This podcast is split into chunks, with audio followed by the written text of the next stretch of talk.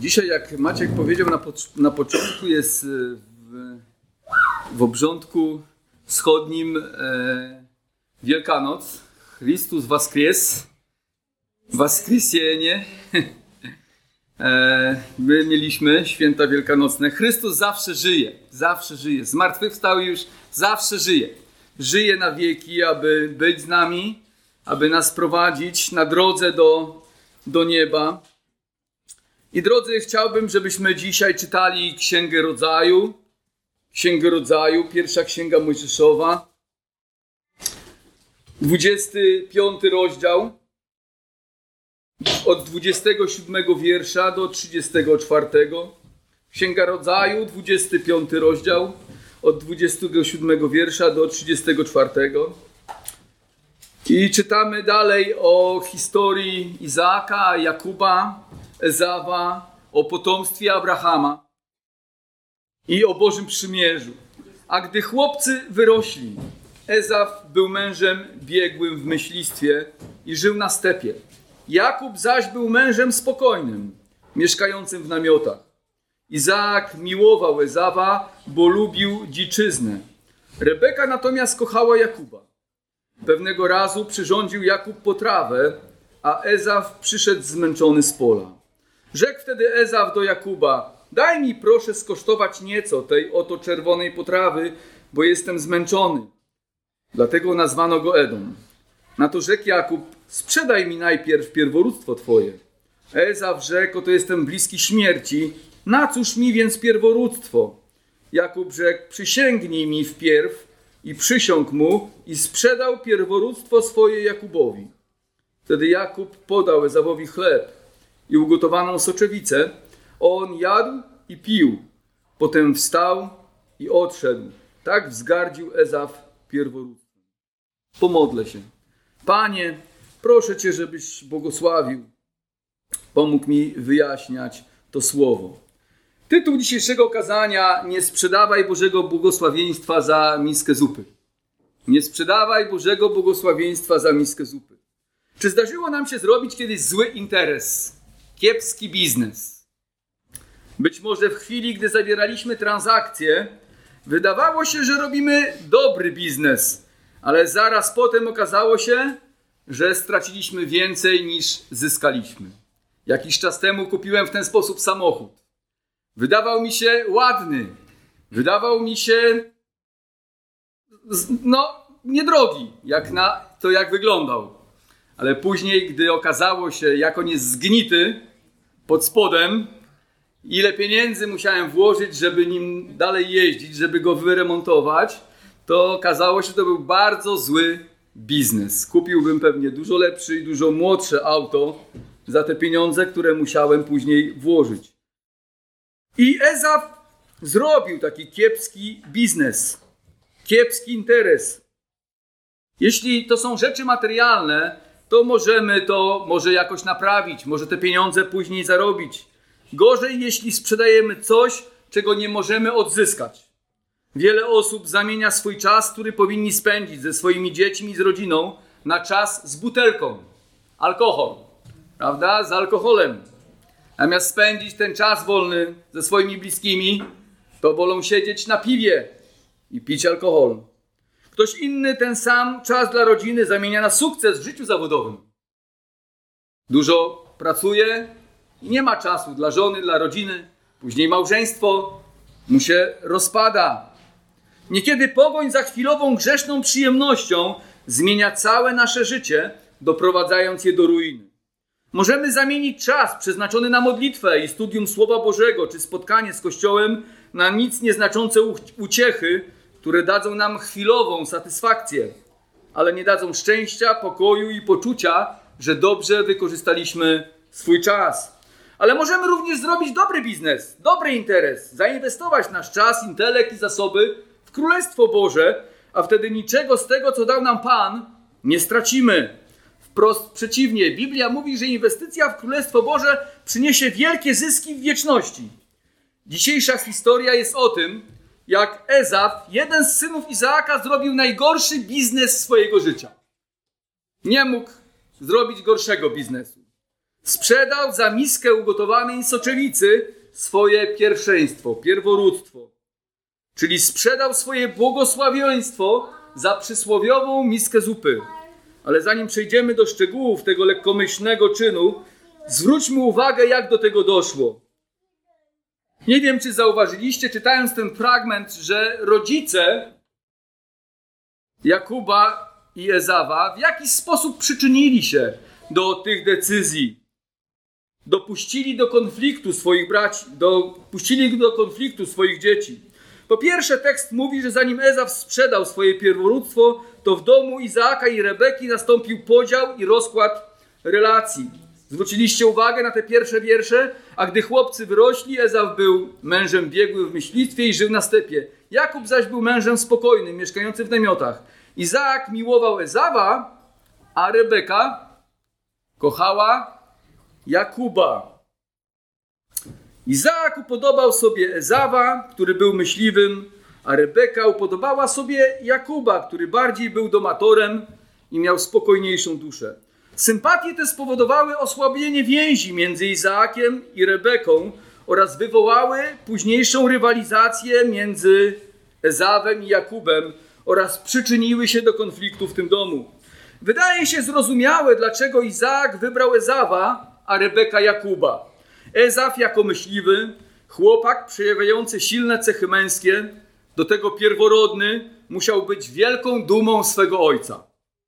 Za każdym razem, gdy Izaak patrzył na niego, to mógł myśleć, że Bóg dał mi wspaniałego, silnego syna. Kto z nim może się równać? Często właśnie ojcowie szukają takich męskich, silnych cech u swoich synów, oczekując od nich, by byli silni, odważni, sprytni, twardzi i z duszą wojownika. No, każdy ojciec pewnie chciałby mieć takiego syna. Ezaf miał to wszystko, co Izaak chciał, by miał jego syn.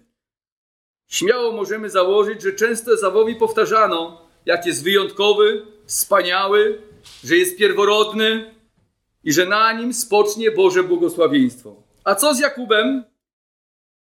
Myślę sobie, że musiał się czuć troszkę gorzej z tym, jak Ezawa chwalono. Ojciec go chwalił, a Jakub, no cóż, no ten słaby Jakub, no jest tam w tym namiocie, gotuje tą zupę z mamą, niech tam zostanie, prawda? No, może się przewrócił raz, drugi, trzeci, popłakał, a Eza wstał, od razu się otrzepał i od razu pobiegł, prawda, bawić się i, nie wiem, polować może na jakieś zwierzęta. E, Jakub nie miał niczego z tego, co miał Ezaf ale miał więcej takich cech łagodnych, więcej miał takich cech, które mogły się podobać kobietom. Był spokojny. No więc Rebeka upodobała sobie Jakuba. I spędzała z nim więcej czasu niż z Ezawem, poświęcała mu więcej uwagi. Być może próbowała mu wynagrodzić to, że ojciec faworyzował Ezawa, a przez to odsuwał od siebie Jakuba. Niestety faworyzowanie synów doprowadziło między nimi do zazdrości, rywalizacji i niezdrowej relacji, co później przyczyniło się też do oszustwa Jakuba. Rodzice powinni być świadomi, że ich grzeszność wpływa również na dzieci, na nasze dzieci, a grzeszność naszych rodziców wpływała również na nas. Jak w rodzinie Izaaka, tak i w naszych rodzinach możemy w sposób niewłaściwy wywyższać jedne dzieci nad drugie, bo bardziej odpowiadają nam ich cechy charakteru. Możemy więcej krytykować, a nawet poniżać te dzieci, które są bardziej urwisowate, na przykład i gorzej się uczą, a wywyższać bardziej ułożone i grzeczniejsze. Możemy faworyzować dzieci w oparciu o wygląd lub zdolności, albo jeszcze jakieś inne cechy. Jakkolwiek by nie były przyczyny, weźmy pod uwagę, że w ten sposób wyrządzamy krzywdę naszej rodzinie i zamiast wprowadzać w niej pokój, wprowadzamy wojnę, przyczyniając się do budowania złych relacji między rodzeństwem. Później, zamiast być dla siebie wsparciem, dzieci mogą się zwalczać w późniejszym okresie i walczyć o uwagę rodziców. Również w małżeństwie może rodzić się w ten sposób podział, osłabiając więź między małżonkami. Wygląda na to, że miało to miejsce u Izaaka i Rebeki. To przecież Rebeka później namówiła swego syna Jakuba, bo szukał jej męża. Jest jeszcze wiele innych błędów rodzicielskich wynikających z naszej grzeszności, jak bycie zbyt surowym dla swoich dzieci, porywczym, zbyt pobłażliwym, niekonsekwentnym, niedotrzymującym słowa, lub to, że rodzice żyją podwójnym życiem. Pobożni w kościele, a bez Boga w domu. Gdy dzieci widzą nasze upadki i grzeszne postępowanie, należy przeprosić. Przeprosić dzieci. Nie mamy często na tyle siły i odwagi, żeby to zrobić. Przyznać się przed nimi do naszych grzechów i starając się naprawić to, co robimy źle. Niestety w życiu Izaaka i Rebeki nie widzimy głębszej refleksji w tym zakresie. Wprost przeciwnie, wygląda na to, że konflikt się pogłębia i później doprowadzi do jeszcze większego kryzysu w tej rodzinie. Pomimo błędów rodziców, dzieci z kolei powinny wiedzieć, także te dorosłe, że nie mogą za swoje niepowodzenia i grzechy obwinać swoich rodziców. Myślałeś kiedyś o tym? Ile razy to ja słyszałem, bo to moi rodzice spowodowali, że ja mam taką, a nie inną sytuację. Choć Izaak i Rebeka popełnili wiele błędów i przez niezdrowy podział i faworyzowanie swych synów przyczynili się do konfliktu między nimi, to jednak oni sami, czyli Ezaf i Jakub, byli odpowiedzialni za swoje grzechy.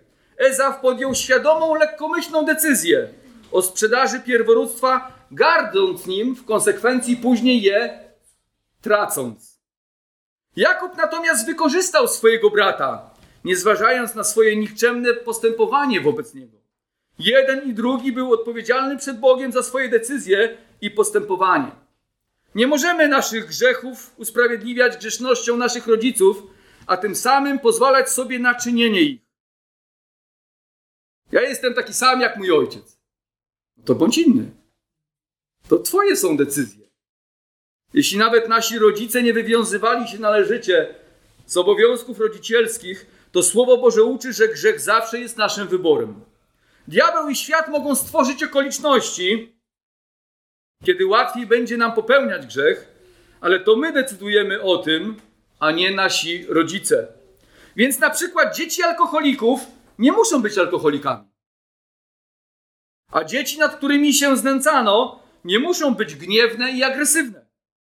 Brak poszanowania dla czyjejś własności w naszych domach nie czyni z ciebie automatycznie złodzieja. To ty sam chcesz ukraść. Sam decydujesz o tym, jak będziesz postępował. Kłamstwo i hipokryzja naszych rodziców nie musi sprawiać, że tak będziemy też postępować podobnie jak oni.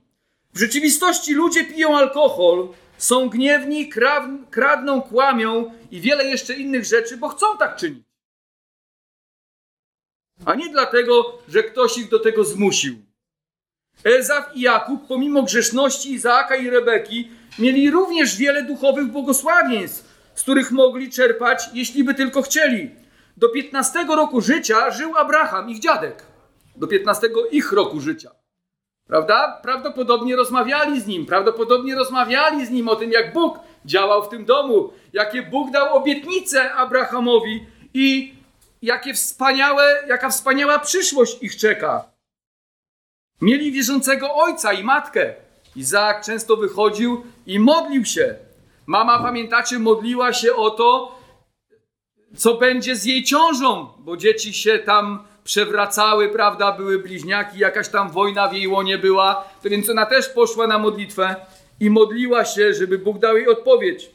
Otrzymali oni namacalne świadectwa mocy Bożej i relacje z pierwszej ręki, jak Bóg działał i działa w życiu ich rodziny. To wszystko było wielkim przywilejem i mogli to wykorzystać, by zbliżyć się do Pana lub te możliwości zaprzepaścić. To od nich zależało, czy tak uczynią, czy nie. Podobnie w naszej sytuacji i sytuacji naszych dzieci, to od nas zależy, czy będziemy zbliżać się do Pana, czy nie. Karmić się Bożym Słowem, czy nie. Brać udział w społeczności Kościoła i prowadzić tam swoje dzieci, czy nie. Modlić się do Boga i szukać Go, czy nie. To wszystko są nasze decyzje, które mogą przynieść błogosławieństwo lub przekleństwo. Jaką ja, ty podejmiesz decyzję. Druga rzecz w naszym fragmencie jest taka, że panujmy nad naszymi emocjami i nie podejmujmy pochopnie żadnych decyzji, które mogą wpłynąć bardzo mocno na przyszłe nasze życie.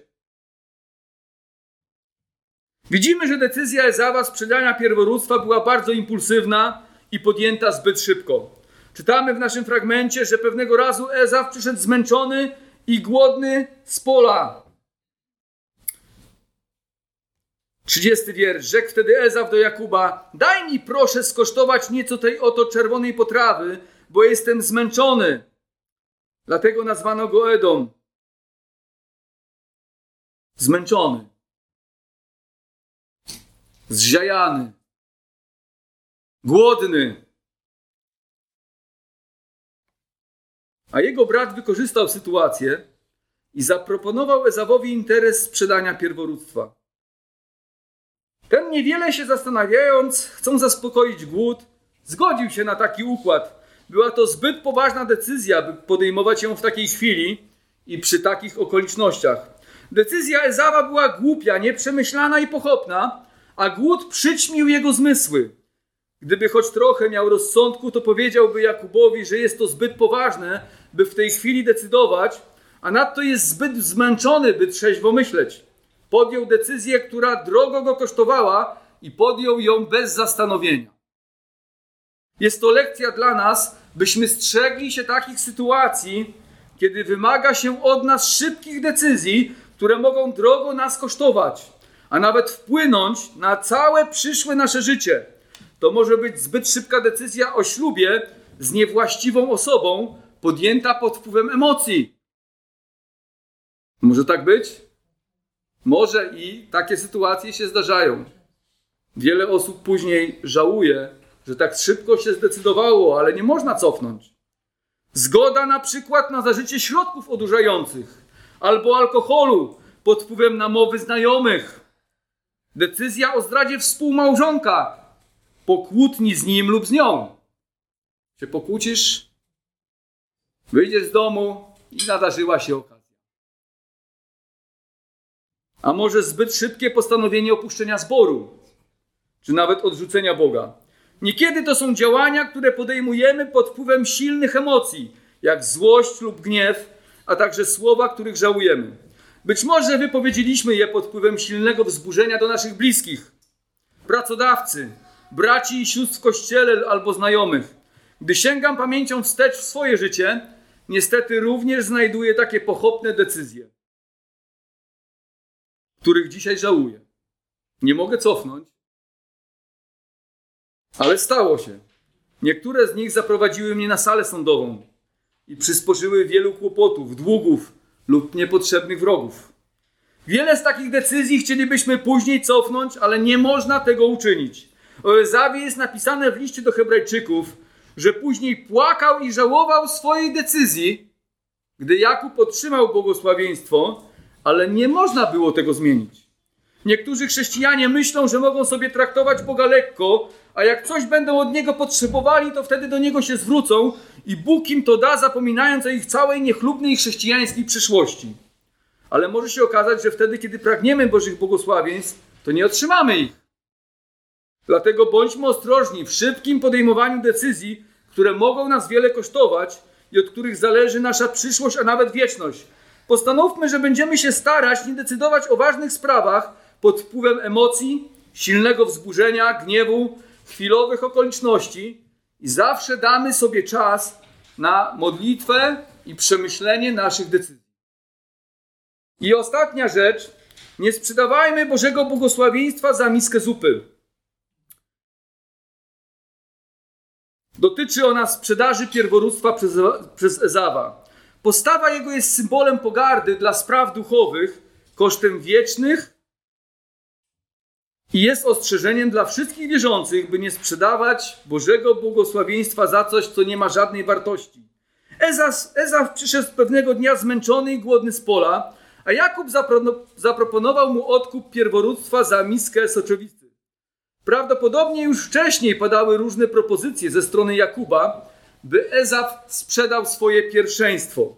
Wygląda na to, że Jakub wiele razy obmyślał jakiś plan, by przejąć pierwszeństwo brata. To więc to nie była też taka chwila ze strony Jakuba, po prostu nadarzyła się okazja, a on już myślał o tym, żeby tak zrobić, tylko nie wiedział, jak to zrobić.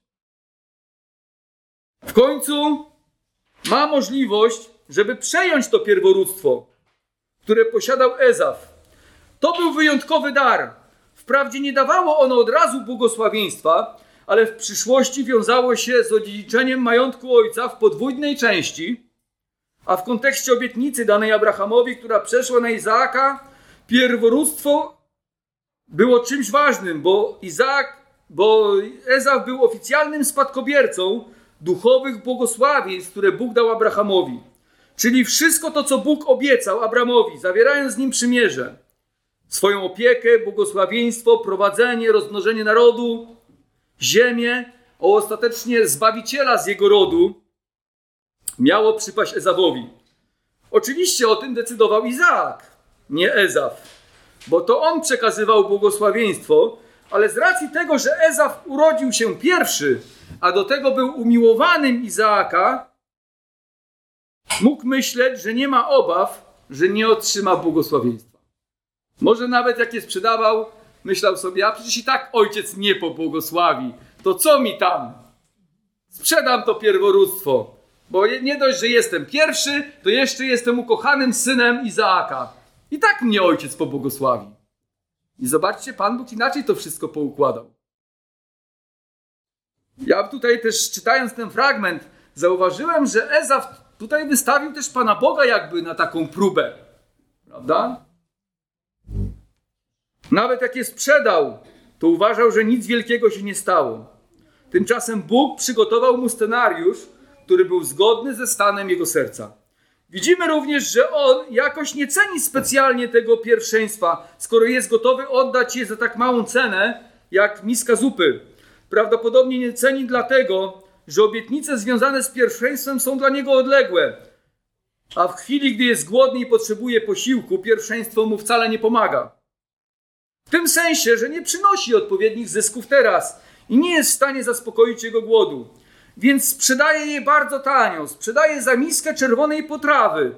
A nazwa ta, czerwony, czyli Edom, staje się na zawsze znakiem przedkładania spraw doczesnych nad wieczne. Dla Ezawa obietnice Boże nie znaczyły zbyt wiele, o czym mówi list do Hebrajczyków. Zwróćmy uwagę na list do Hebrajczyków, 12 rozdział, 16 i 17 wiersz. Żeby nikt nie był rozpustny lub lekkomyślny jak Ezaf, który za jedną potrawę sprzedał pierworództwo swoje. A wiecie, że potem, gdy chciał otrzymać błogosławieństwo, został odrzucony. Nie uzyskał bowiem zmiany swojego położenia, chociaż o nią ze łzami zabiegał. Ezaf więc jest człowiekiem, który wybiera korzyść natychmiastową nad przyszłe błogosławieństwo. Ważniejsza dla niego była miska zupy niż Boże obietnice, więc sprzedaje Boga za trochę soczewicy. Jest to postawa nie tylko głupia, ale ma również duchowy, głęboki wymiar. Przez sprzedaż swojego pierwszeństwa podle zlekceważył i okazał pogardę dla Bożych spraw. W ten sposób Ezaf staje się negatywnym przykładem i ostrzeżeniem dla przyszłych odstępców. Drodzy, my podobnie jak Ezaf zostaliśmy obdarzeni wieloma błogosławieństwami. Mamy przywilej słyszeć Ewangelię, mieć swobodny dostęp do Słowa Bożego. Mamy zbór, mamy braci i siostry, którzy nas wspierają i napominają. A przede wszystkim mamy łaskę w Jezusie Chrystusie, w którym zostały nam darowane wszystkie największe obietnice. Obietnice życia wiecznego, oglądania Boga, zmartwychwstania, i obdarzenia nas tak wielkimi błogosławieństwami, których język ludzki nawet nie może wypowiedzieć, ani nikomu one na myśl nie mogą przyjść. Są to tak wielkie rzeczy, o których apostoł Paweł mówi w liście do Rzymian, że warto w ich imieniu znosić każdą cenę cierpienia, doświadczenia i służby, bo nic to nie znaczy wobec wielkiej chwały, jaka już niebawem się nam objawi, gdy spotkamy się z Jezusem. Ale pomimo to, możemy jak Ezaf wszystko zlekceważyć. Niestety. I okazać się zupełnymi ignorantami wobec tak wspaniałych Bożych przywilejów i sprzedać nasze błogosławieństwa za miskę zupy. Czyli przedkładać dobra tego świata nasze grzeszne pragnienia, złe wybory, złe dążenia, pogoń za wygodą i przyjemnościami, szukaniem próżnej chwały nad wieczne obietnice. Zamiast doceniać to, co Bóg nam dał, że mamy przywilej poznawać Ewangelię i cieszyć się jej błogosławieństwami, to może zacząć nam to powszednieć. I ta przysłowiowa miska zupy staje się dla nas ważniejsza. Czyli to, co mogę uzyskać tu i teraz, zaniedbując nasze powołanie.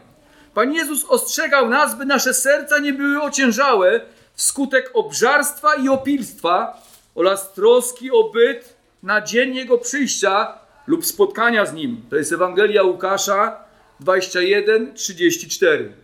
Oczywiście wszyscy pracujemy, zarabiamy pieniądze, jeździmy na wczasy, odpoczywamy, ale róbmy to tak, żeby to było na Bożą chwałę, a nie przeciwko Panu Bogu.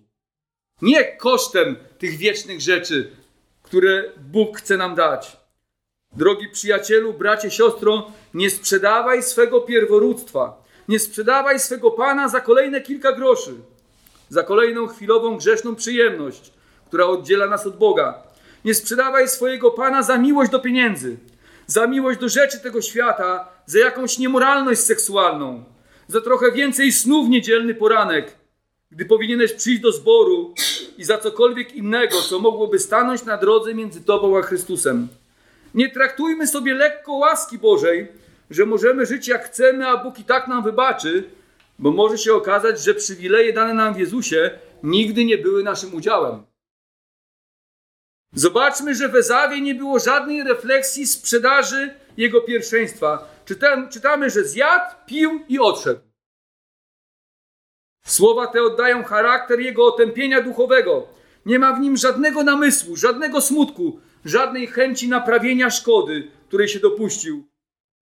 Podobnie mogą zachowywać się niektóre osoby uważające się za chrześcijan. Grzech już nie powoduje u nich żadnej pokuty, żadnej refleksji, żadnych wyrzutów sumienia, żadnego płaczu, tylko wyparcie i usprawiedliwienie. Również szczerze wiedzący chrześcijanie mogą mieć w jakimś stopniu coś z postawy Ezawa. Wierzę, że Bóg chce obdarzyć nas w tym życiu wieloma błogosławieństwami wypływającymi z Jego łaski. To jest możliwość poznania Go, cieszenia się bliskością z naszym Panem oraz radością i pokojem wypływającym z obcowania z Nim.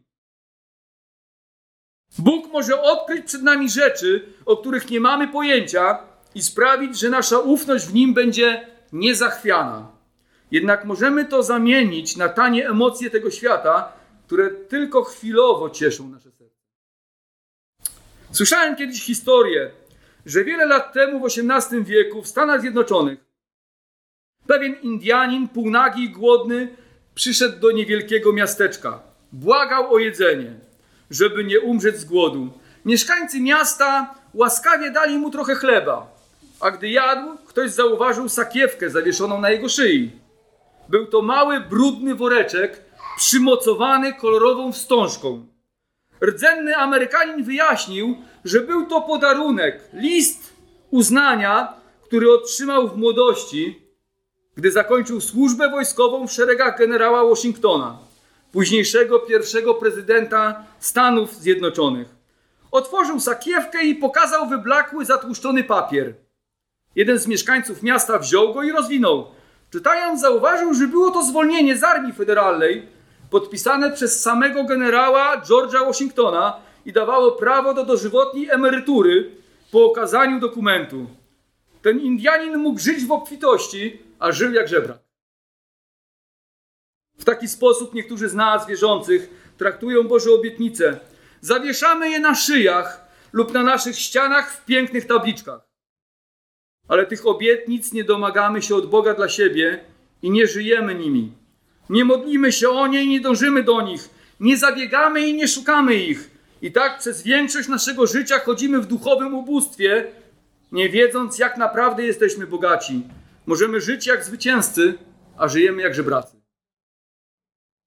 Bóg dał nam bogate dziedzictwo swoich obietnic, których jest tysiące i obejmują każdą dziedzinę życia ale możemy je ignorować i nie poświęcać czasu na odkrycie ich i modlitwę o nie. Wolimy zadowalać się innymi rzeczami, a obietnice umykają nam bezpowrotnie. Po prostu bądź jak Jakub. On pragnął pierwszeństwa i błogosławieństwa i ciągle o tym myślał.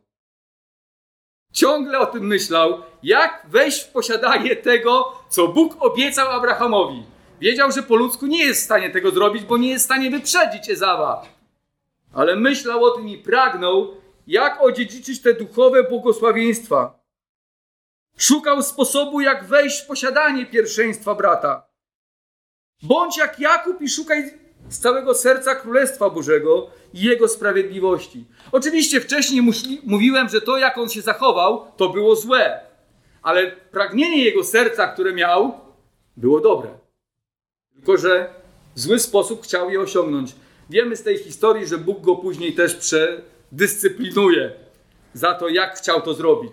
Ale pragnienie, jakie miał w sercu i nosił, żeby odziedziczyć Boże obietnice i Boże błogosławieństwa, było dobre.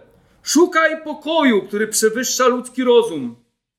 Szukaj radości w Panu w każdych okolicznościach życia. Szukaj czasu na modlitwę. Ucz się być zawsze wdzięcznym Bogu. Uciekaj od zgorzknienia, narzekania, czarnych myśli, a wzrastaj w nadziei i ufności Bogu.